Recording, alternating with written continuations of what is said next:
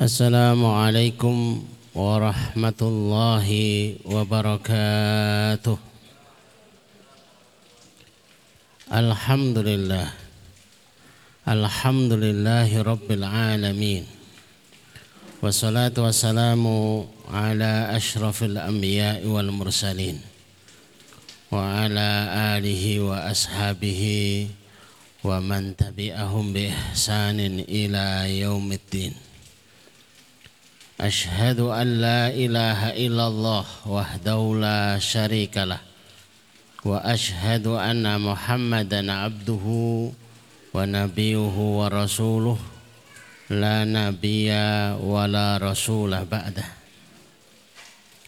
اللهم اشرح صدورنا وتزوج عن سيئاتنا وهب لنا فهم الأنبياء والمرسلين.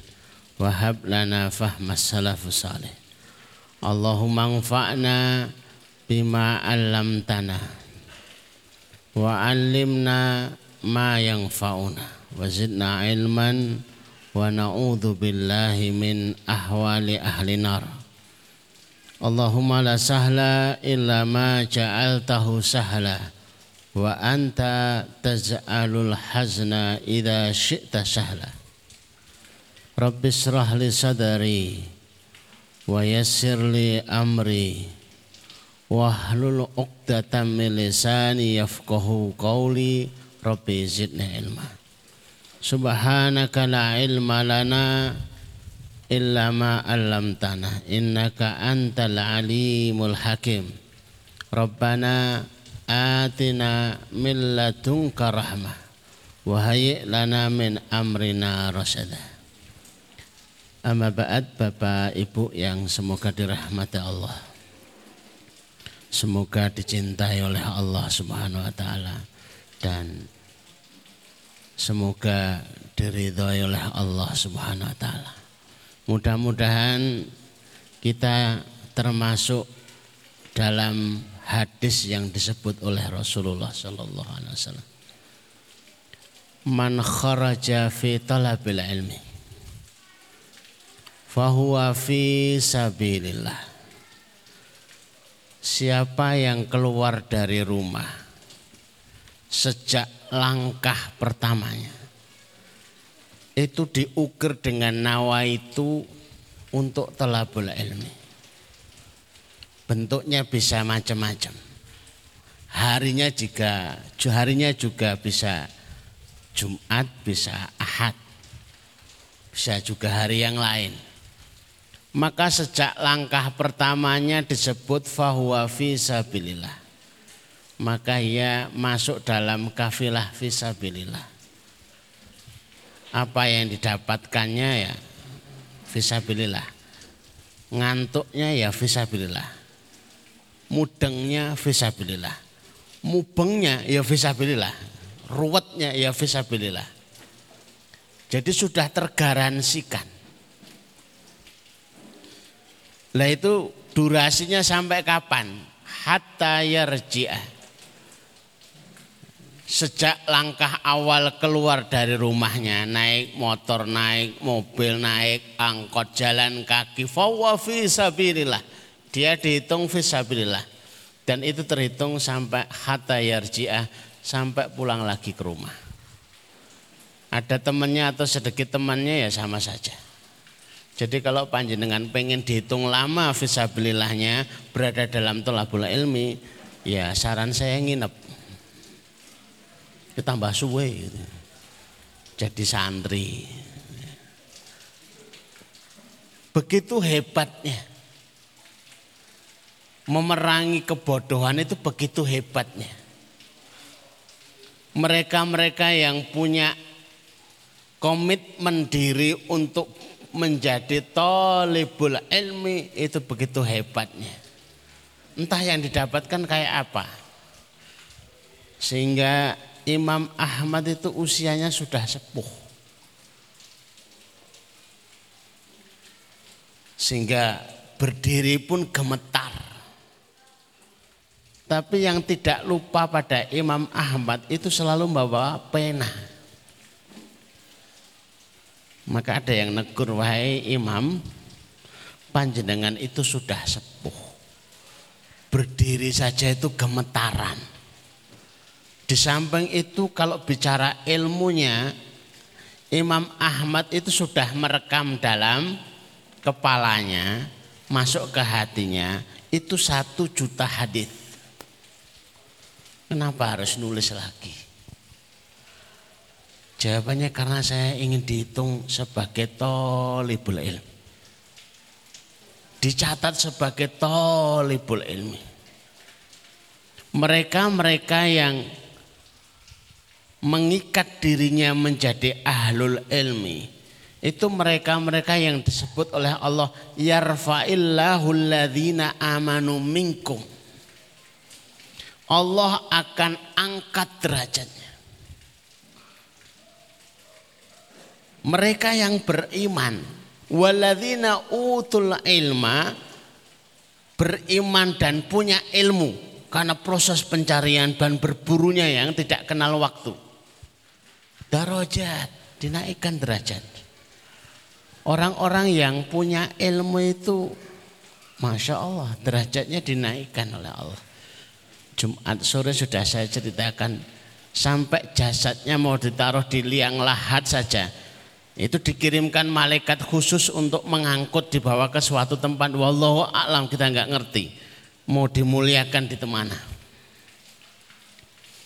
maka khusnudon kami belajar dan berpijak dari hadis Rasulullah. Orang yang punya konsep hidupnya itu ingin memasuki surganya Allah. Itu tidak akan melepaskan komunitas perkumpulan rombongan kafilah yang di dalamnya itu selalu diajarkan ilmu terus.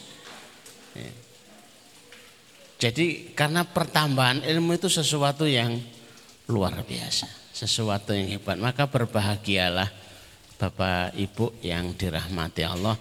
Sekalipun panjenengan sudah usianya sekian bahkan ada yang nyebutnya itu sepuh dan lain sebagainya tapi masih ingin tidak ingin terputus dari rombongan kalau bicara ilmunya boleh jadi ngelihat di YouTube saja itu dapat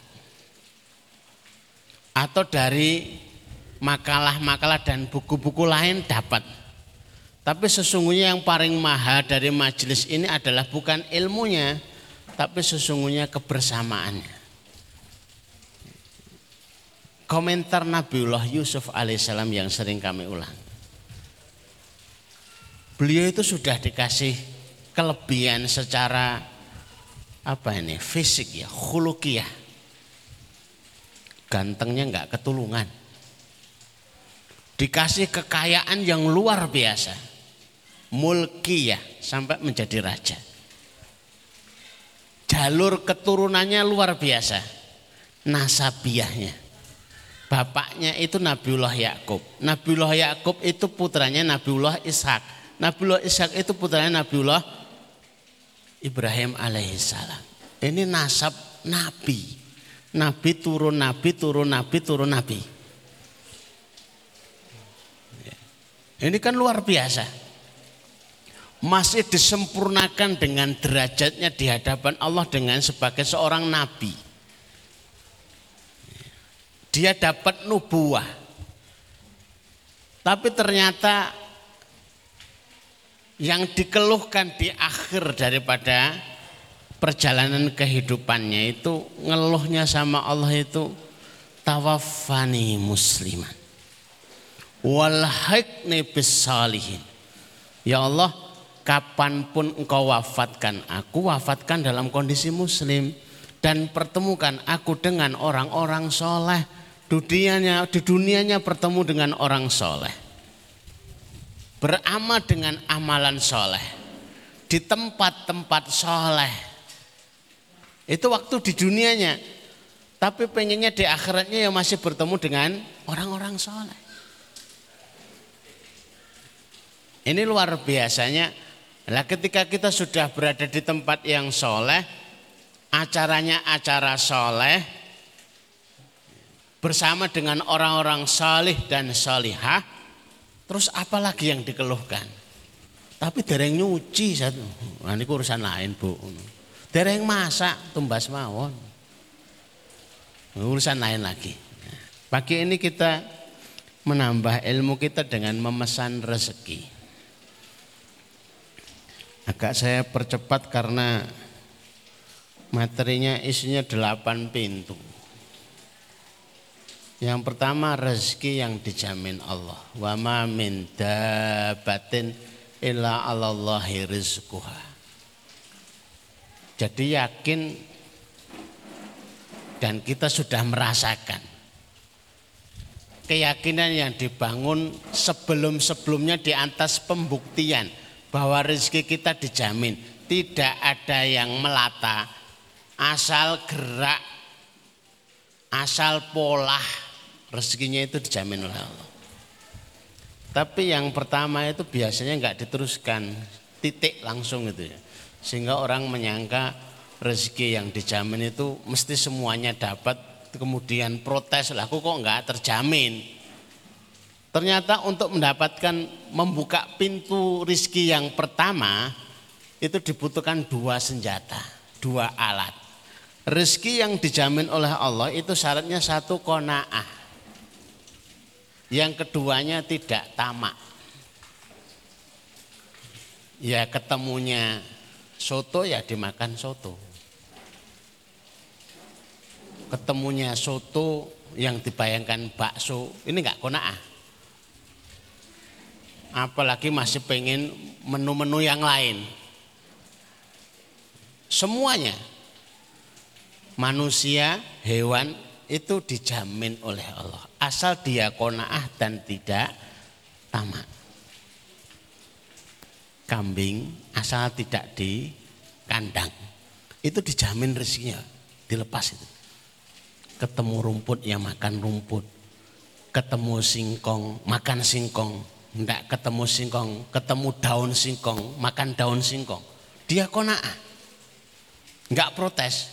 Pagi hari itu kemudian ngomong sama majikannya, "Kula niku pengen iki soto lho kok malah daun singkong mboten." Kona'ah. Terus tidak tamak, enggak ada yang kita temui kambing itu nyeret-nyeret karung itu enggak ada. Begitu ditanya, "Niku napa?" Ini karung. Lah buat apa? Buat stok untuk besok hari, tiga hari. Enggak ada. Bapak Ibu pernah ketemu ayam ya sama, enggak ada ayam nyeret-nyeret kresek itu enggak ada modelnya. Ini buat apa kresek barang itu stok seminggu lagi? Enggak ada. Yang biasanya stok itu kita. Kulkas dibuka, wah sini macam-macam.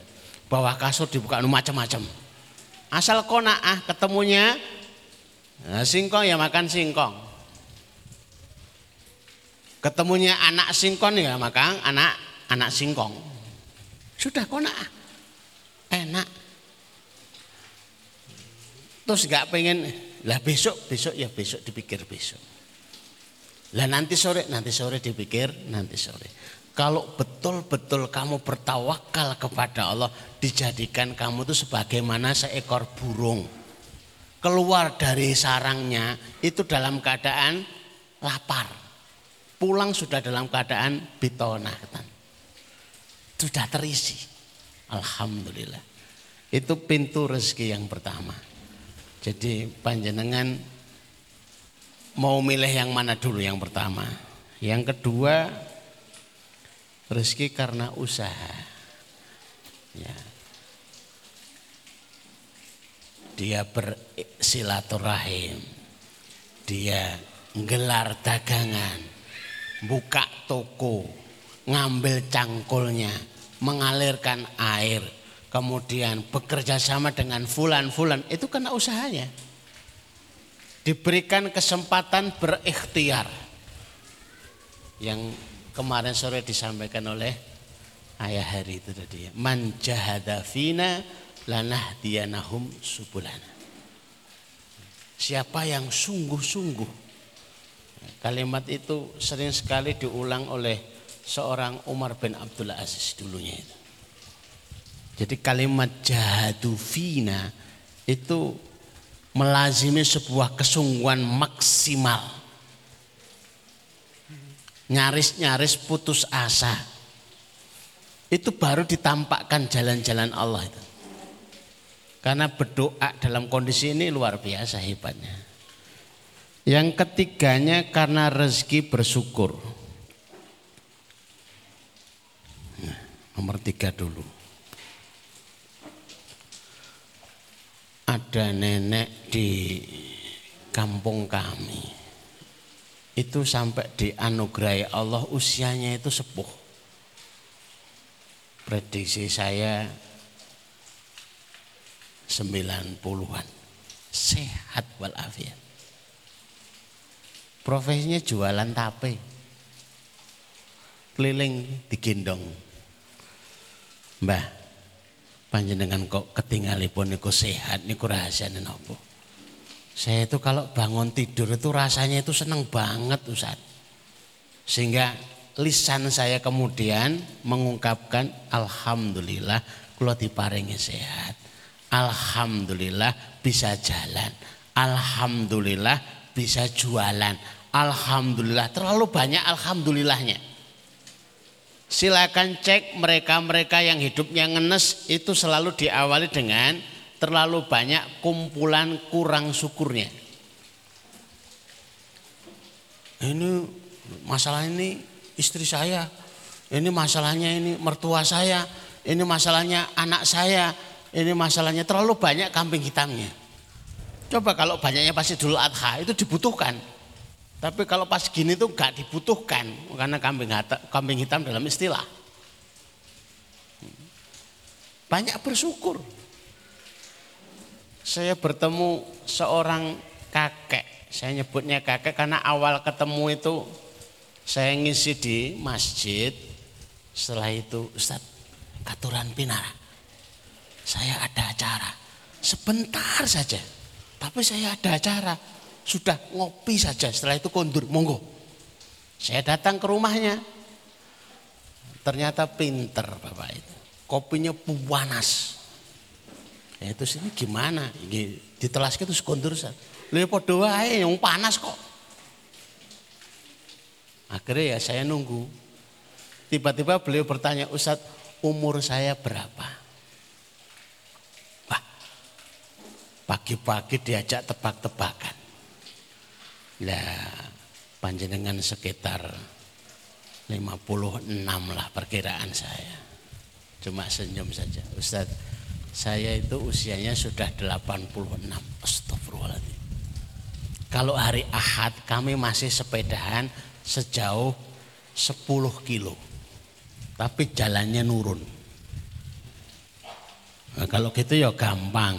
Coba yang usianya 86 masih naik sepeda. Ndek motor ngewel nih gue. Nanti kalau pulang tak naikkan bis. Apa yang rahasianya apa? Saya itu bersyukur sama Allah. Kok dikasih sehat, sebagai bentuk syukur saya, setiap jam 2 malam saya itu berusaha bangun sama istri saya. Ngapain? Langge sholat. Terus bar sholat, gendungo, nangis. Bareng nangis terus nopo malih? Nggih ngemis. Ya Allah diparingi sehat.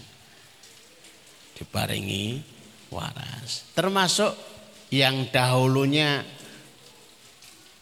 itu dekat sekali dengan Rasulullah karena pembantu Rasulullah Anas bin Malik itu usianya sampai 100 tahun lebih. Sepuluh tahun itu digandeng sama ibunya. Diserahkan kepada Rasulullah.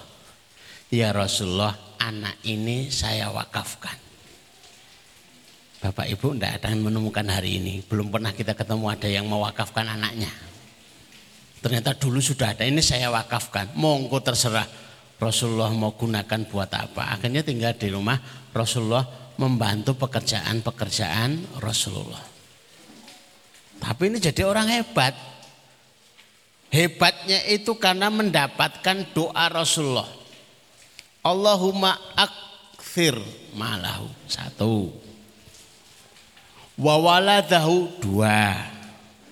Wa barik lahu fima a'taitahu. Tiga. Wa atil hayatahu ala ta'atika. Empat. Wa ahsin amalahu. Lima. Waghfir lahu. Enam. Ini yang mendoakan Rasulullah. Sekalipun doa ini kemudian ditransfer ke umatnya Rasulullah Sallallahu Alaihi Wasallam, tinggal diganti kata gantinya saja. Allahumma akthir mali wa waladi wa barik fi ma wa atil hayati ala taatika wa ahsin amali wa ghafirli. Saya termasuk yang merekomendasikan ke banyak orang untuk berdoa dengan ini. Karena hari ini orang paling kaya di Arab Saudi itu ya orang yang banyak membaca doa ini. Syekh Sulaiman Ar-Rajhi. Usianya kalau sekarang 95 tahun lebih. Paling kaya. 200 2000 hektar kebun kurmanya itu diwakafkan. Hasil kurmanya untuk dikasihkan ke Masjidil Haram untuk yang untuk buka puasa sama Masjid, Masjid Nabawi. Masya Allah. Ternyata sekalipun itu adalah rezeki yang pada zahirnya kita semua itu berasumsi itu dicari. Ternyata didapatkan dari bersyukur dengan berdoa. Kalau bersyukur berdoalah. Kalau seluruh, ruang pada kita, pikirannya, hatinya, kemudian sendi-sendi kita itu merasakan syukur, cepat-cepatlah berdoa. Masya Allah.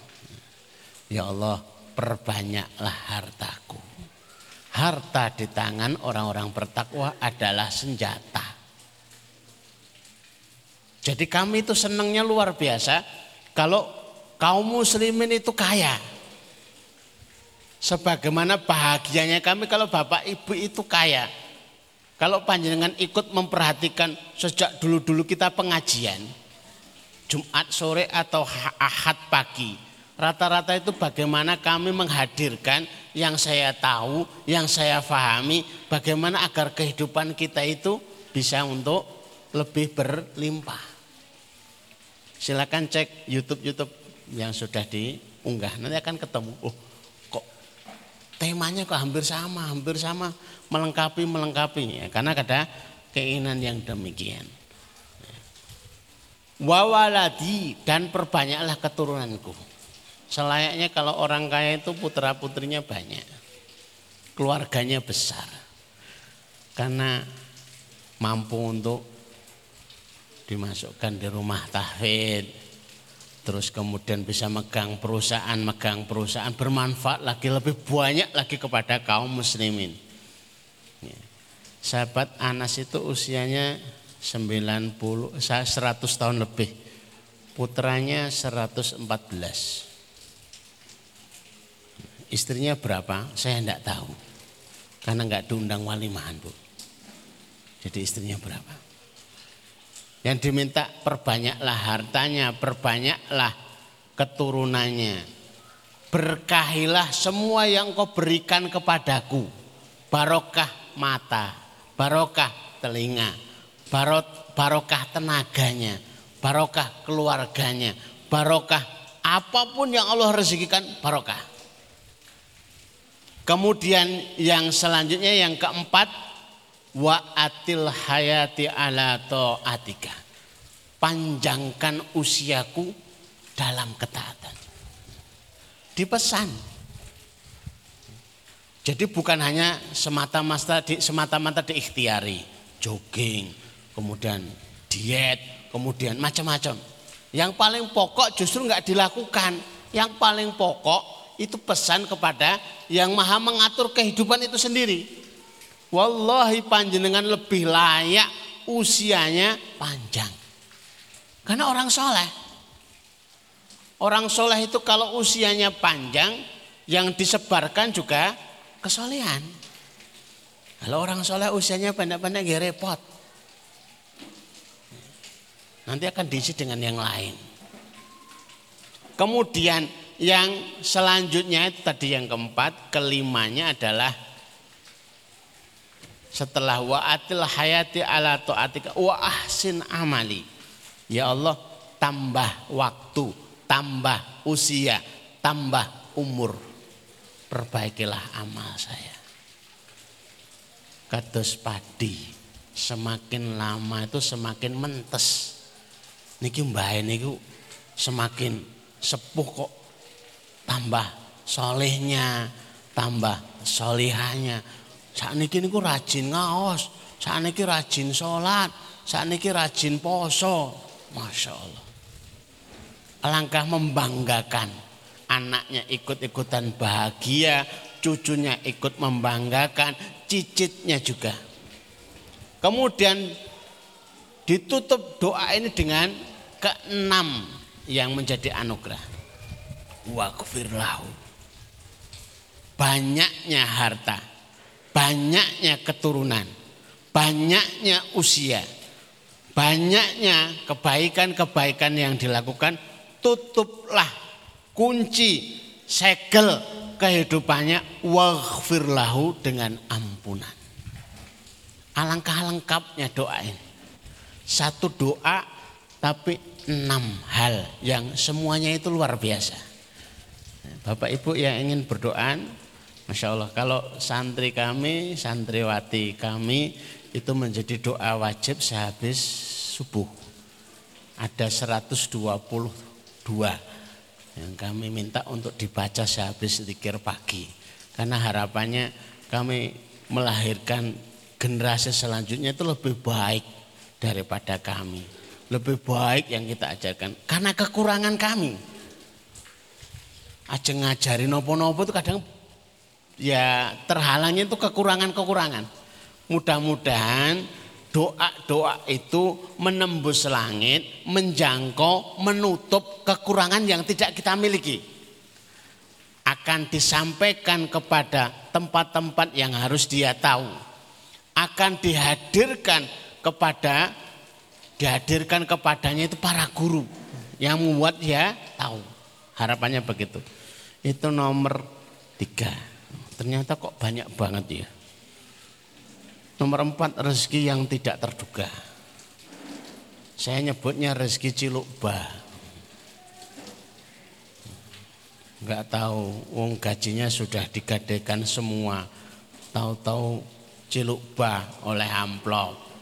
Ciluk bah ditransfer. Ciluk bah konsumen kesasar ciluk ba, masya Allah.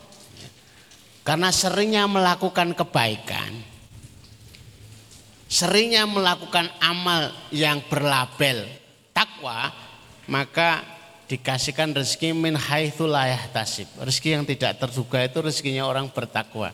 Jenengan kalau tidak sering mendapat rezeki tak terduga, nggih diragukan ketakwaan. Rezekinya orang bertakwa itu kadang-kadang banyak. Kadang-kadang tidak sedikit. Tidak sedikit, iya banyak. Saya sering menyebutnya rezekinya tak bertepi. Oh no, kayak gitu loh. Ada saja, Masya Allah. Ini yang nomor empat. Jenengan sudah milih yang nomor berapa, Bapak, Ibu? Betulnya gampang nomor siji, Ustaz. Niku niku nomor satu tuh ndak usah gerak-gerak ndak usah apa itu pakai jurus macam-macam itu sudah dapat. Itu semuanya dapat kalau yang pintu nomor satu itu. Yang nomor lima karena istighfar. Sudah kita temakan kalau panjenengan istighfarnya itu empat ribu itu biasa saja. Itu definisi bukan definisi saya tapi saya belajar dari definisi seorang ulama Ibnul Qayyim Al-Zawji. Kalau panjenengan pengen menjadi luar biasa, bukan biasa saja, biasa saja, itu sepuluh ribu.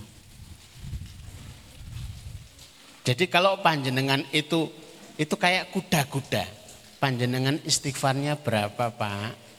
Empat ribu. Masalah yang jenengan hadapi ya biasa-biasa saja. Tapi kalau menyiapkan diri pagi hari Pak dah subuh sampai sekitar jam 8 itu sampai 10 ribu. Siap-siap. Suguhan yang datang adalah suguhan yang luar biasa. Bapak, ibu, anaknya dua misalkan. Bapak enggih wonten, mbah enggih wonten. Itu keluarga mustakfirin, orang-orang yang beristighfar. Alangkah dahsyatnya Ada orang yang waktunya itu cuma 24 jam sehari. Tapi bisa menyelesaikan masalahnya sendiri. Bisa menyelesaikan masalah pasangannya, keluarganya, kerabatnya, tetangga-tetangganya. Karena uh, apa ya? Baterainya itu full. Bapak Ibu pernah baca biografi Ibnul Qayyim enggak? Saya cukup lama neliti, kok bisa orang sedemikian produktif itu baterainya apa? Ini enggak mungkin baterai ABC. Ini mesti alkalin ini. Beliau tuh nulis tulisan buku itu sampai seribu judul. Ya kalau tulisannya itu tipis-tipis gitu ya. Saya baca hanya satu pertanyaan jamaah dijawab beliau itu jadi satu buku. Al-jawabul kafi. Jawaban yang mencukupi. Liman sa'ala bagi yang bertanya dengan satu pertanyaan. Ya Allah, masuk jawab satu pertanyaan itu jadi satu buku. Kami punya itu ya lumayan tebal. Hari di zaman belum ada HP, Android apalagi belum ada komputer, nulisnya masih pakai tangan. Itu sudah produktif. Imam Nawawi juga kayak gitu. Imam Nawawi itu usianya 50 tahun. Terus kemudian direka-reka dihitung kalau beliau itu dibagi usia dengan hasil karyanya, maka mendapatkan sebuah hasil rata-rata sehari itu bisa menulis sembilan bab. Bukan sembilan halaman, bukan sembilan lembar, sembilan bab. Itu makannya apa? Bukan masalah makannya. Makannya nasi yo, biasa-biasa saja. Apa jangan-jangan itu minumnya itu mangsi, tinta. Yo malah enggak enak. Ruhnya ini yang bergerak. Hingga kalau dalam pepatah Arab itu disebutkan Ida kaburotil apabila dirinya ruhnya itu besar. Kaburotil himam. Ta'ibat fi muradihal ajsam. Kalau keinginannya itu besar, ruhnya itu besar, maka jasad itu akan kelelahan mengikuti pola tingkahnya ruh itu. Pengen itu buat ini, buat ini. Enggak peduli tidur cuma empat jam. Enggak peduli tidur cuma dua jam. Itu tetap sehat. Imam Abu Hanifah itu 40 tahun wudhu sholat subuh dengan wudhu sholat isya. Sholat subuh dengan wudhu sholat isya. Eh, dengan wudhu sholat isya. Jadi ba'da isya itu enggak batal sampai subuh. Ini sehari dua hari enggak apa-apa. Ini 40 tahun. Ditanya lah kapan panjenengan seharinya itu? Ba'da duhur sampai asar. Maka kalau ikuti imam itu susah. Bu, jangan diceritakan tokohnya itu Imam Abu Hanifah. Terus dengan pengen yang mana? Saya Imam Ahmad saja, ketua ini lebih ringan. Imam Ahmad itu setiap malam itu tahajudnya 300 rakaat. Waduh, anu aja Imam Syafi'i saja. Imam Syafi'i itu kalau ruko, burung itu bisa bertengger. Anu ku burung piaraan kan jinak, cobi. Coba silahkan. Itu untuk mengumpamakan saking betahnya ruko. Tetangganya ngira itu tonggak. Ketika sudah nggak ada anaknya tanya, bu, tonggak yang samping rumah kita itu kok nggak ada lagi ke mana? Nah, itu sudah meninggal itu Imam Syafi'i, Imam Allah Ta'ala. Nah, terus panjenengan pilih yang mana? Uh, kayaknya nggak usah imam-imam saja. Imam Bukhari aja gimana? Bukan deretan imam ahli hadis saja. Yang tidak diketahui banyak orang, Imam Bukhari itu baca Qur'annya itu rata-rata sehari satu kali hatam. Itu bukan Ramadan. Kalau bulan Ramadan bisa dua kali hatam.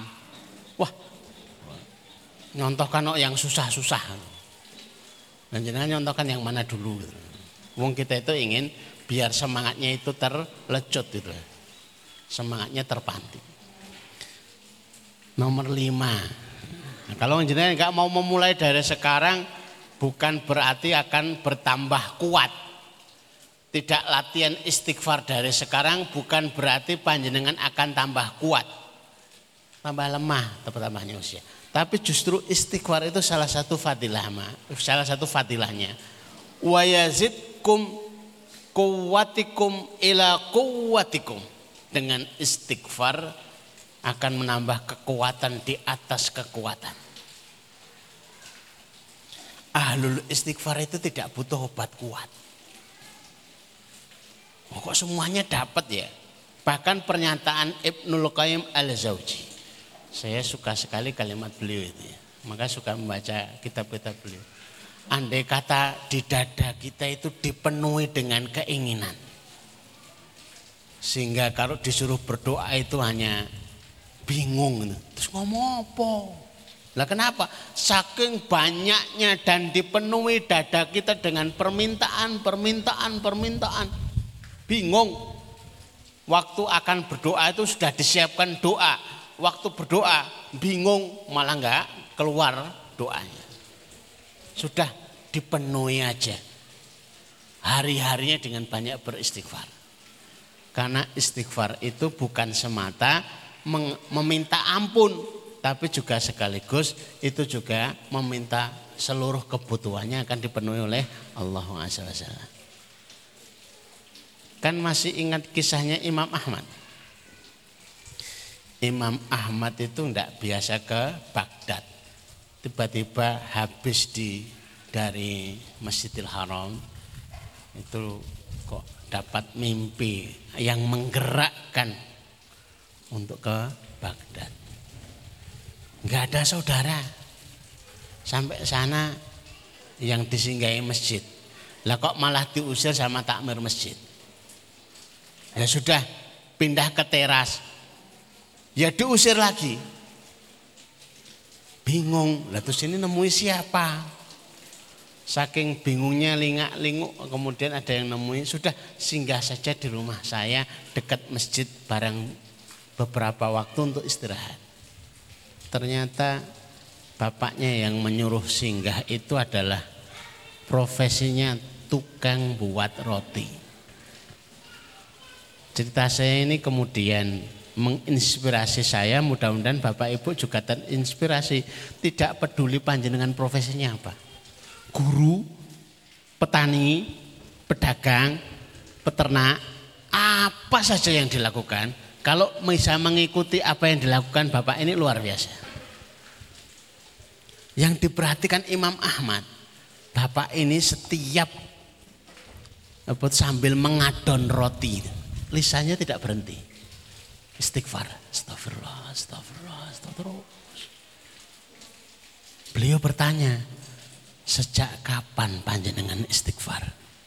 Ya sejak dulu saya melakukan istighfar 30 tahun. Sudah ada ketemu ukurannya kan? Jadi untuk bisa bereaksi betul istighfar itu dalam diri kita, istighfarnya bisa 4000 bisa 10000 durasinya dilakukan berapa lama? 30 tahun. Apa yang kamu dapatkan?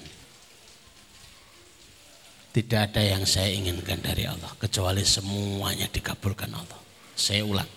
Kalau perlu panjenengan perlu garis bawahi. Nganggo sepeda biar tebal. Tidak ada yang saya inginkan Kecuali semua dikabulkan Allah. Kecuali satu yang belum dikabulkan. Loh nopo niku? Saya itu pengen ketemu Imam Ahmad. Tapi saya belum ketemu. Astagfirullah. Rupanya ini yang narik saya ini. Keroyo-royo dari Masjidil Haram dipaksa untuk bisa sampai di Baghdad. Ini kena magnetnya ini. Saya Imam Ahmad turangkul orang. Masya Allah. Akhirnya semuanya dikabulkan oleh Allah. Apa ini nggak menakjubkan? Sekiranya sampai lima selesai terus berhenti pengajiannya terus kundur sudah cukup itu. Bagi saya pun sudah cukup karena sudah kesel. Tapi panjenengan yang dapat ilmu, masya Allah, coba tak praktekkan. Mau pakai tasbih ya silahkan. Mau pakai apa itu digital nah, silahkan pakai apa itu counter. Mau pakai tangan ya silahkan. Tapi nek keriting nggih tanggung jawab ya Mbak. Aduh, nanti tangan ini ini wae. Ini apa tak ini ini? Kok kan istighfar. Silahkan dipilih. Kalau ada yang katanya kalau pakai tasbih nanti begini-begini. Saya membaca bukunya, saya bertanya kepada para masyayikh-masyayikh yang ada di Mekah sana, mahok mutasbih. Apa hukumnya pakai tasbih itu? Memang ada yang tidak membolehkan. Tapi yang waktu kami tanya itu yang Masya Allah. Memakai tasbih itu lebih baik daripada tidak istighfar. Gara-gara jenengan pakai tasbih diputer, mosok meneng tok, yang puter kok tangannya tok, tasbih tok. Cetak-cetak, cuma cetak-cetak alatnya saja, lisannya enggak berbunyi. Ternyata dengan tasbih yang diputar itu menarik keinginan diri untuk beristighfar. Luar biasa. Baik nomor 6. Rezeki karena menikah. Ini rada repot.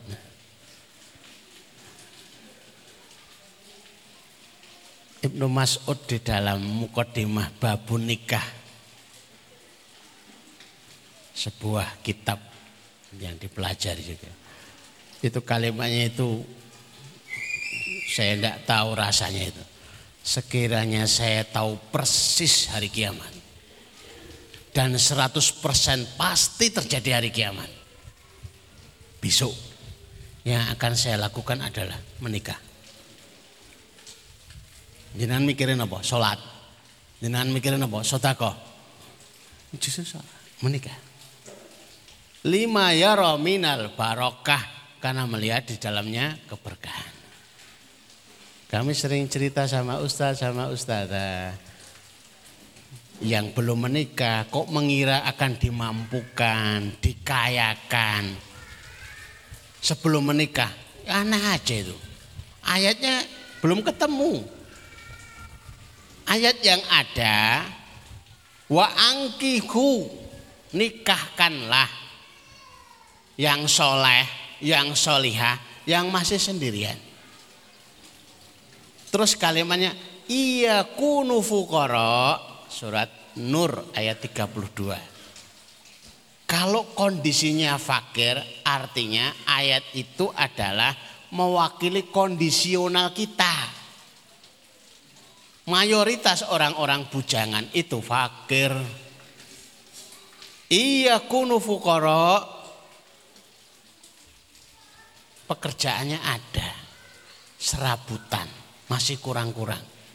Iya kunu fukoro, sekiranya niatan kita menikah itu untuk membuktikan ayat ini, itu adalah alasan yang sangat kuat. Iya kunu fukoro, kalau fakir Allah akan mengkayakan min fadlihi dengan anugerahnya. Hingga Mbak kok nikah kenapa mbak? Membuktikan ayat Allah. Mas kok menikah kenapa? Membuktikan ayat Allah. Betul-betul itu akan terbukti. Rata-rata orang yang belum menikah itu punya sandal ya cuma sepasang kanan kiri satu.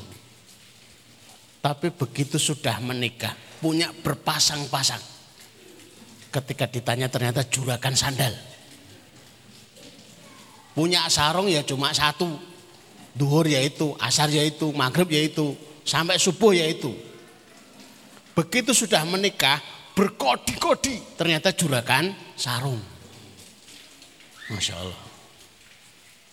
Ini kalau diceritakan ya mirip kayak kalimatnya ayah tadi itu. Kalau ditestimonikan, waduh panjang ini cerita tentang itu.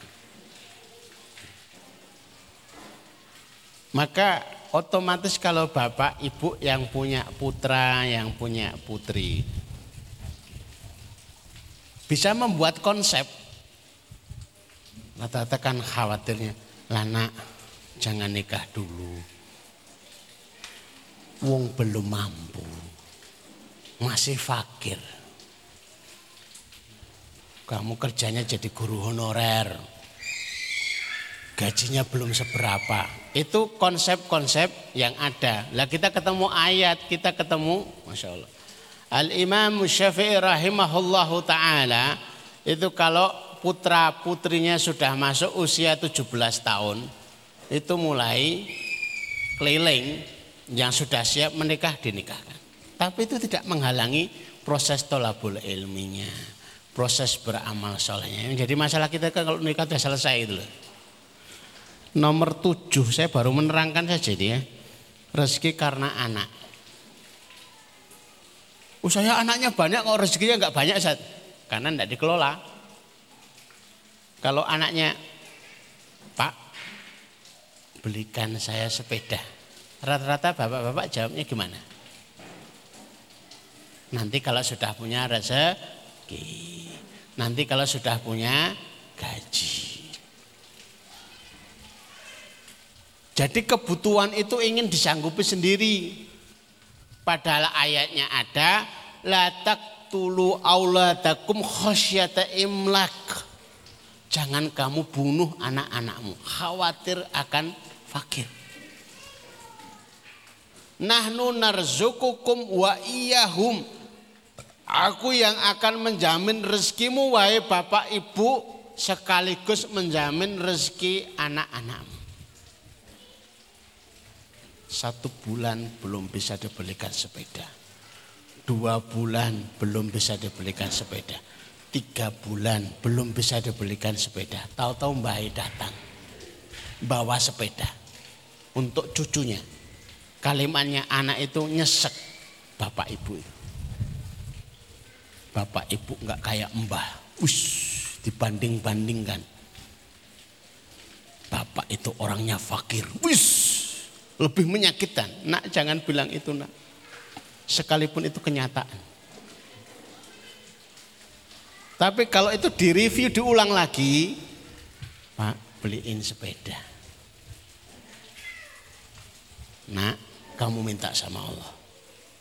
Bapak minta sama Allah. Ibu minta sama Allah. Karena ini ada permohonan, sholatnya ditambah ya terus disempurnakan ya sholatnya berjamaah. Nah, habis sholat itu tangannya diangkat. Tapi sudah dikasih tahu Bapak Ibu jangan keras-keras nanti saat masjid tahu semua. Begitu salam terus kemudian tangannya diangkat tinggi. Ya Allah, aku minta sepeda. Lah semua noleh ke dia ini anaknya siapa tuh? Bapak era tanggung jawab. Anaknya ya Allah aku minta sepeda. Bapaknya ya Allah anak saya minta sepeda. Ibunya ya Allah anak saya minta sepeda. Bulan pertama belum dapat. Bulan kedua belum dapat. Bulan ketiga belum dapat. Tiba-tiba Mbak datang bawa sepeda. Kalimatnya anak itu sudah beda. Bapak, sepedanya dititipkan Allah lewat mbah. Oh, Alhamdulillah. Ibu, sepedanya dititipkan Allah lewat mbah. Sudah senang gitu loh itu awal latihan, tempaan awal. Ini kami belajar karena mulai anak-anak kami juga mintanya kayak begitu. Kalau dulu permintaannya itu aneh-aneh. Apa? Saya minta pesawat. Wih, ini permintaan tidak biasa ini. Ya sudah kamu minta sama Allah. Tapi belum terkabul sudah diambil dulu sama Allah. Yang mudah-mudahan pesawatnya di sana. Lah kok ada yang lain mintanya, bah, aku minta yang lain. Lah apa itu? Aku minta kereta api. Wah tambah repot lagi mikirnya kereta api, relnya dan lain sebagainya. Ya sudah mintanya sama Allah. Allah akan mengabulkan dengan caranya. Coba Bapak Ibu, kalau anak-anak panjenengan itu misalkan empat seperti tadi yang diceritakan, kemudian pengen kuliah semua. Rata-rata Bapak Ibu kan jawab, nah konaah saja, rasa neko-neko. Bapak itu petani, rasa kuliah, sabar ya, SMA sudah cukup. Seakan-akan rezeki itu dihalangi, apa alasan panjenengan menghalangi rezeki anak? Rezekinya Allah yang maha tidak terbatas itu dibatasi gara-gara keterbatasan bapak ibu sekalian. Orang kuat mikir. Padahal ya sudah kamu minta aja sama Allah. Bapak ibu anak SMA putri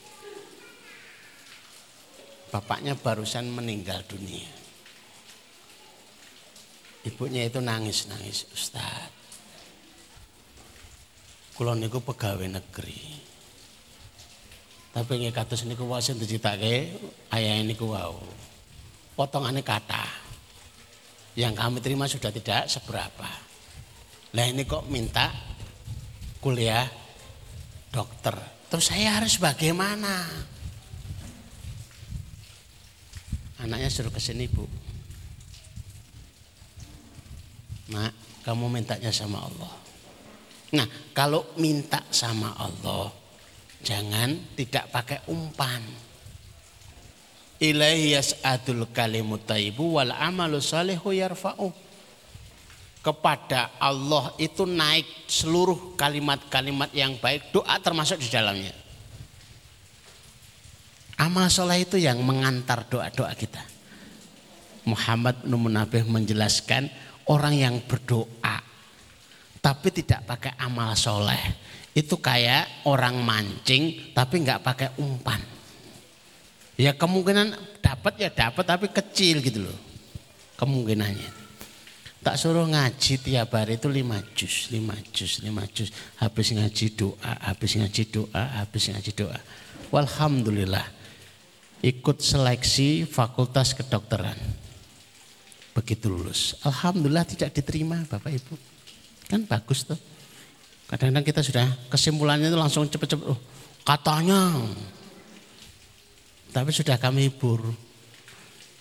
Kalau tahun ini belum dikabulkan, barangkali Allah punya rencana. Dan rencana Allah itu sempurna. Akhirnya daftar lagi tahun kedua. Diterima sekaligus dapat beasiswa dari sebuah rumah sakit bahkan dengan ikatan dinas begitu lulus dari kuliahnya langsung diterima oleh rumah sakit yang ada di Bandung. Sujud syukurnya. Nangis. Ya Allah, ternyata Allah kita hebat. Allah kita pinter. Bapak ibu nggak bisa ngarang yang kayak gitu itu. Karena sudah nyerah. Biayanya saja sudah nyerah. Ternyata pertolongan Allah begitu hebatnya. Itu salah satu contoh agar kita itu kalau bertemu di majelis-majelis seperti ini selalu selalu bertambah ilmu, bertambah spiritnya, bertambah dorongannya, bertambah inspirasinya. Yang nomor tujuh, rezeki karena sedekah. Ini yang di ajak panjenengan. Kami belajar dan sangat-sangat belajar bersama dengan panjenengan. Kalau mau ditanya apakah rumah tahfidz Zabisa itu butuh bantuan? Ya iya sebenarnya, tapi sesungguhnya yang lebih pokok adalah semuanya pengasuh, kemudian bapak ibu, donatur, jamaah ini yang lebih butuh kepada sebuah pembelajaran. Bukankah harian kita itu kita itu bingung. Rezeki kita terjamin harian itu dari mana? maka ada program namanya sodakoh subuh. Saya lebih memilih subuh daripada pagi. Karena subuh dengan pagi itu lebih duluan subuh. Subuh itu mesti pagi, pagi itu belum tentu subuh. Kalau panjenengan nyebut subuhnya jam berapa, Bu? Pagi. Kan semua bertanya, jangan-jangan jam 7, jangan-jangan jam 6. Tapi kalau subuh itu mesti pagi. Kalau cara panjenengan bersodakoh, ngisi kotak-kotak yang disebar di rumah-rumah panjenengan, itu sebenarnya adalah pembelajaran. Boleh enggak kami belajar tidak dari kotak sini? Ya silahkan. Tapi kalau ada dan jelas orang-orangnya kena, yang dibiayai jelas, ngapain susah-susah buat kotak sendiri? Wong kami aja sering diprotes bapak ibu itu, kok enggak diambil-ambil sudah penuh. Ba'da subuh itu, sembari berangkat sholat ke masjid. Kalau bapak-bapak, ibu-ibu pokoknya adzan, adzan itu bukan semata-mata panggilan untuk sholat, juga yang keduanya panggilan untuk sodakoh cepat-cepat diisi pertama kali. Begitu dijatuhkan ke dalam kotaknya, plek, tangannya diangkat. Ya Allah, janjimu, rezeki dengan sodakoh itu janji Allah. Janjimu ya Allah. Saya masih ingat teman saya itu seorang motivator di Purwokerto. Pengen menguji, ngisinya uang 20 ribu Habis ngisi, tangannya diangkat. Ya Allah, saya hambamu yang masih buru pamrih. Saya masukkan 20 ribu, tapi saya mintanya 40 juta. Loh, waduh kemen. Bebas kan? Akhirnya hari itu dapat 40 juta betul. Allah Akbar. Uji hadis Rasulullah. Ma yusbihul ibad. Tidak berlalu subuh seorang hamba kecuali sudah ada malaikat yang diinstruksikan. Yang mendoakan ati munfikan halafan. Ati beri yang berinfak itu ganti. Yang mendoakan itu malaikat. Yang tidak pernah maksiat yang tidak pernah makan yang haram. Sehingga doanya itu sangat-sangat mustajab. Jadi adanya kotak di rumah kita itu bahagia. Ini adalah mensejahterakan kehidupan kami. Bahkan alat yang mensejahterakan lebih baik dari sekedar program yang dibuat oleh Menteri Kesejahteraan sekalipun. Di sini pertama seribu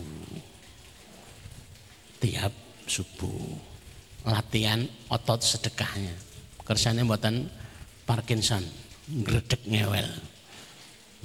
Bulan 2 2000, bulan 3 3000, bulan 4 4000. Nah, sing repot kalau sudah pernikahan usia 20 tahun, 25 tahun. Wah, wah Ada jamaah kami yang isi itu tiap pagi 300 ribu.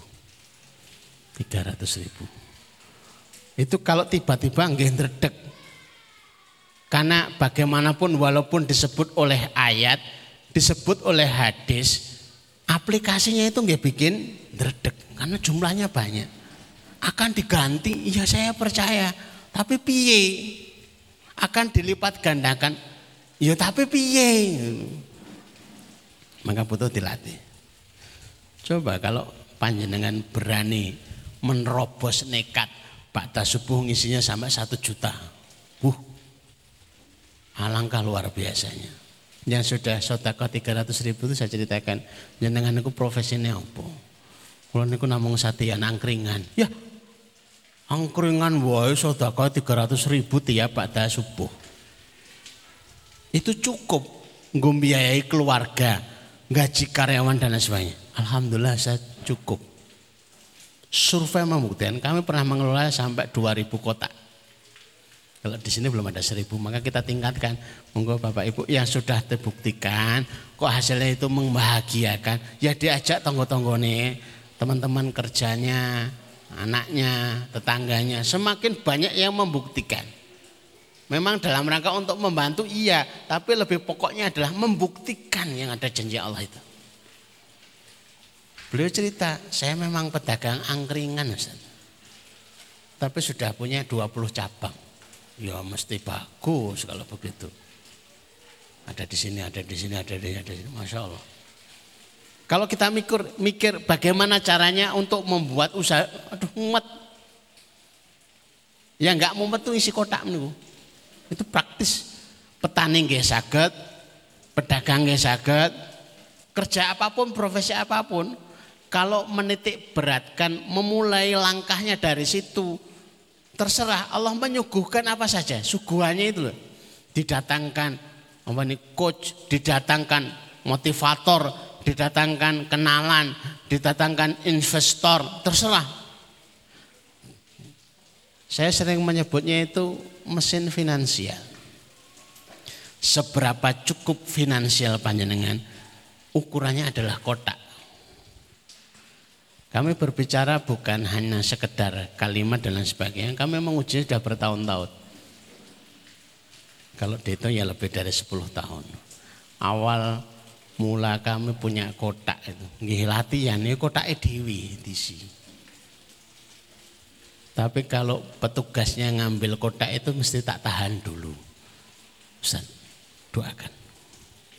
Loh, jenengan ustadz kok minta didoakan oleh kami? Ya enggak apa-apa, terserah kan.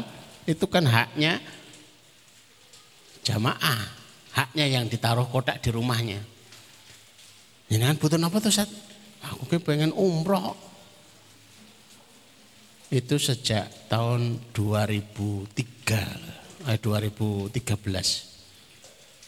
Ya sejak itu kami umroh terus sampai terakhir itu Februari 2020 setahun dua kali kadang tiga kali kadang empat kali. Oh mulainya dari kota kayak gitu. Bisa haji bisa buat rumah dan lain dari kota itu. Maka semangat sekali. Pengen menularkan itu semangat sekali. Silahkan buktikan. Saya masuk ke dalam warung tuh bu. Ini ada kotak buktikan. Sebulan, dua bulan, tiga bulan, hanya tiga bulan saja. Ini kotak yang labelnya bergaransi. Kalau tidak terbukti warungnya lebih baik, ada garansinya. Garansinya apa? Tak ambil lagi kotaknya. Lah garansinya apa? Saya bingung garansinya apa. Silahkan dibuktikan. Tapi mayoritas selalu kalau tidak warungnya itu bertambah besar, yang kedua ya pilihannya warungnya mati gitu aja. Berarti dengan nggak cocok dengan warungan. Kan lebih baik apa itu langsung ketemu nggak cocoknya setelah lebih cepat daripada harus menunggu sekian tahun baru kesimpulannya nggak cocok. Dengan itu lahir selosopon, pakate banyu, malah kesuwen itu. Ini langsung ketemu uji kotak-kotak kita di yang pertama di tiga bulan pertama. Sehingga yang belum ada kotak ini seluruhnya ya. Sampai pengasuh sampai ustadz sampai ustadzah. Sing dicekeli tenanan niku nggih kotak niku karena ini kotak yang isinya ada hadisnya. Untuk mengamalkan hadis Rasulullah. Betul enggak malaikat itu akan mendoakan? Insyaallah ini dari yang 08. Kalau hariannya sudah terpenuhi ada mingguannya. Hari Jumat. Jangan lewatkan. Hari Jumat itu hari istimewa. Sotakonya mestinya istimewa untuk mendapatkan rezeki yang istimewa secara mingguan. Bahkan tahunannya ada. Bulan Ramadan bulan Ramadan itu dibalik bulan saum, bulan tilawah, sebenarnya ada tiga. Bulan obral sodako. Sehingga kalau kalimat hadisnya Rasulullah kalau datang bulan Ramadan, sodakohnya itu disifati, diumpamakan lebih disukai Rasulullah. Bersodakoh lebih disukai Rasulullah daripada angin yang semilir. Ada kipas angin, ada kotak infak, milih mana? Milih kotak infak. Pengen sodakoh terus. Kalau bukan kita yang membuktikan tuh siapa lagi? Sehingga ada jamaah kita yang kalau hari Jumat itu sodakohnya satu juta, 10 juta. Ada yang pernah sodakohnya 20 juta. Rezekinya Masya Allah sulit dibendung. Masya Allah ini luar biasa. Saya harus meneruskan tapi ini sudah delapan. Ini kalau diteruskan ini ada tujuh slide loh. Bisa jadi sampai duhur gitu. Nah, jadi panjang. Saya cukupkan saja biar nanti ada ketemuan lagi bulan depan. Ini kan pengajian pagi, ahad pagi juga sekaligus pengajian donatur. Mudah-mudahan Bapak Ibu yang dirahmati Allah satu hadis, satu ayat buktikan. Dihayati masalah-masalahnya kalau butuh ditanyakan, ditanyakan.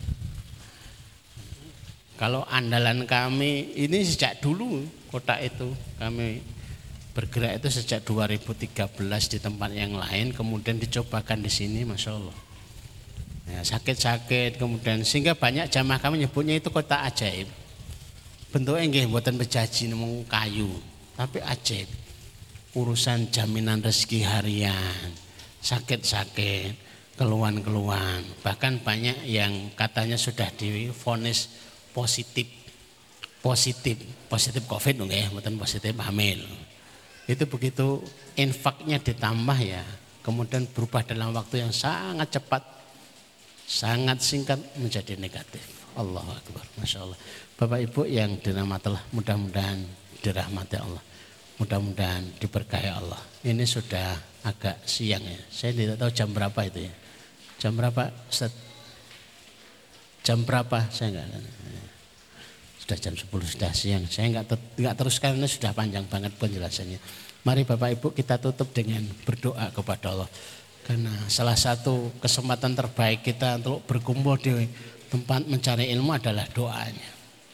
Monggo Bapak Ibu kita tata hati kita, kita tata pikiran kita, kita memohon, mengibah, mengemis kepada Allah. Mudah-mudahan kehidupan kita diperbaiki oleh Allah Subhanahu wa taala, rezeki-rezeki kita diperbaiki dan dijamin oleh Allah Subhanahu wa taala dan kemudahan-kemudahan kita disuguhkan oleh Allah Azza wa Bismillahirrahmanirrahim. Allahumma salli ala Muhammad wa ala ali Muhammad kama sallaita ala Ibrahim wa ala ali Ibrahim innaka Hamidum Majid. Allahumma barik ala Muhammad wa ala ali Muhammad kama barakta ala Ibrahim wa ala ali Ibrahim innaka Hamidum Majid. Walhamdulillahi rabbil alamin. La ilaha illa anta subhanaka inni kuntu minadh dhalimin. La ilaha illa anta subhanaka inni kuntu minadh dhalimin. La ilaha illa anta subhanaka inni kuntu minadh dhalimin. Allahumma ya Rahman ya Rahim ya Hayyu ya Qayyum ya Dzal Jalali wal Ikram. Allahumma ya Rahman ya Rahim ya Hayyu ya Qayyum ya Dzal Jalali wal Ikram. Allahumma ya Rahman ya Rahim ya Hayyu ya Qayyum ya Dzal Jalali wal Ikram. Barakallahu fi ahlikum wa malikum. Barakallahu fi ahlikum wa malikum. Barakallahu fi ahlikum wa malikum. Ajarakumullah fima a'taitum wa barakallahu fima abqaitum wa ja'alakum tahuran. Ya Allah, berkahilah hartanya yang sudah disedekahkan. Ya Allah, berkahilah keluarganya. Ya Allah, berkahilah usaha-usahanya.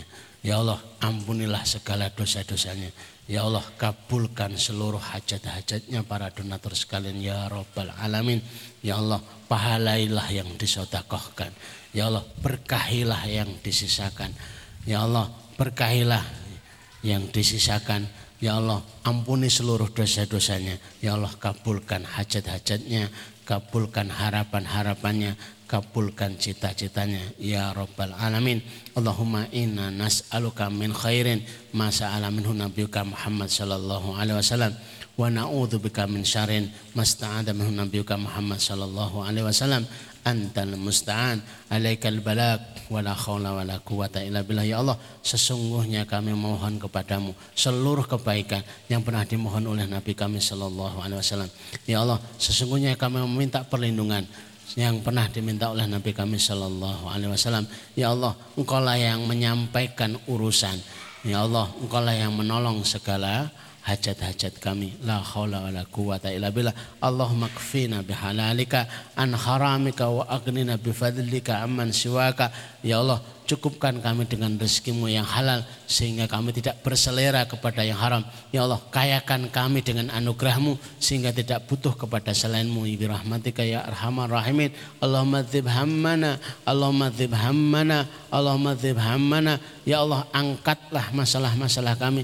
Ya Allah, urailah problematika kami. Ya Rabbal Alamin. Rabbana atina fid dunya hasanah wa fil akhirati hasanah wa qina adzabannar wa qina النار, nar wa النار. adzaban ala Muhammadin wa ala alihi subhana rabbil izzati amma yasifun wa salamun alal mursalin. Walhamdulillahi rabbil alamin.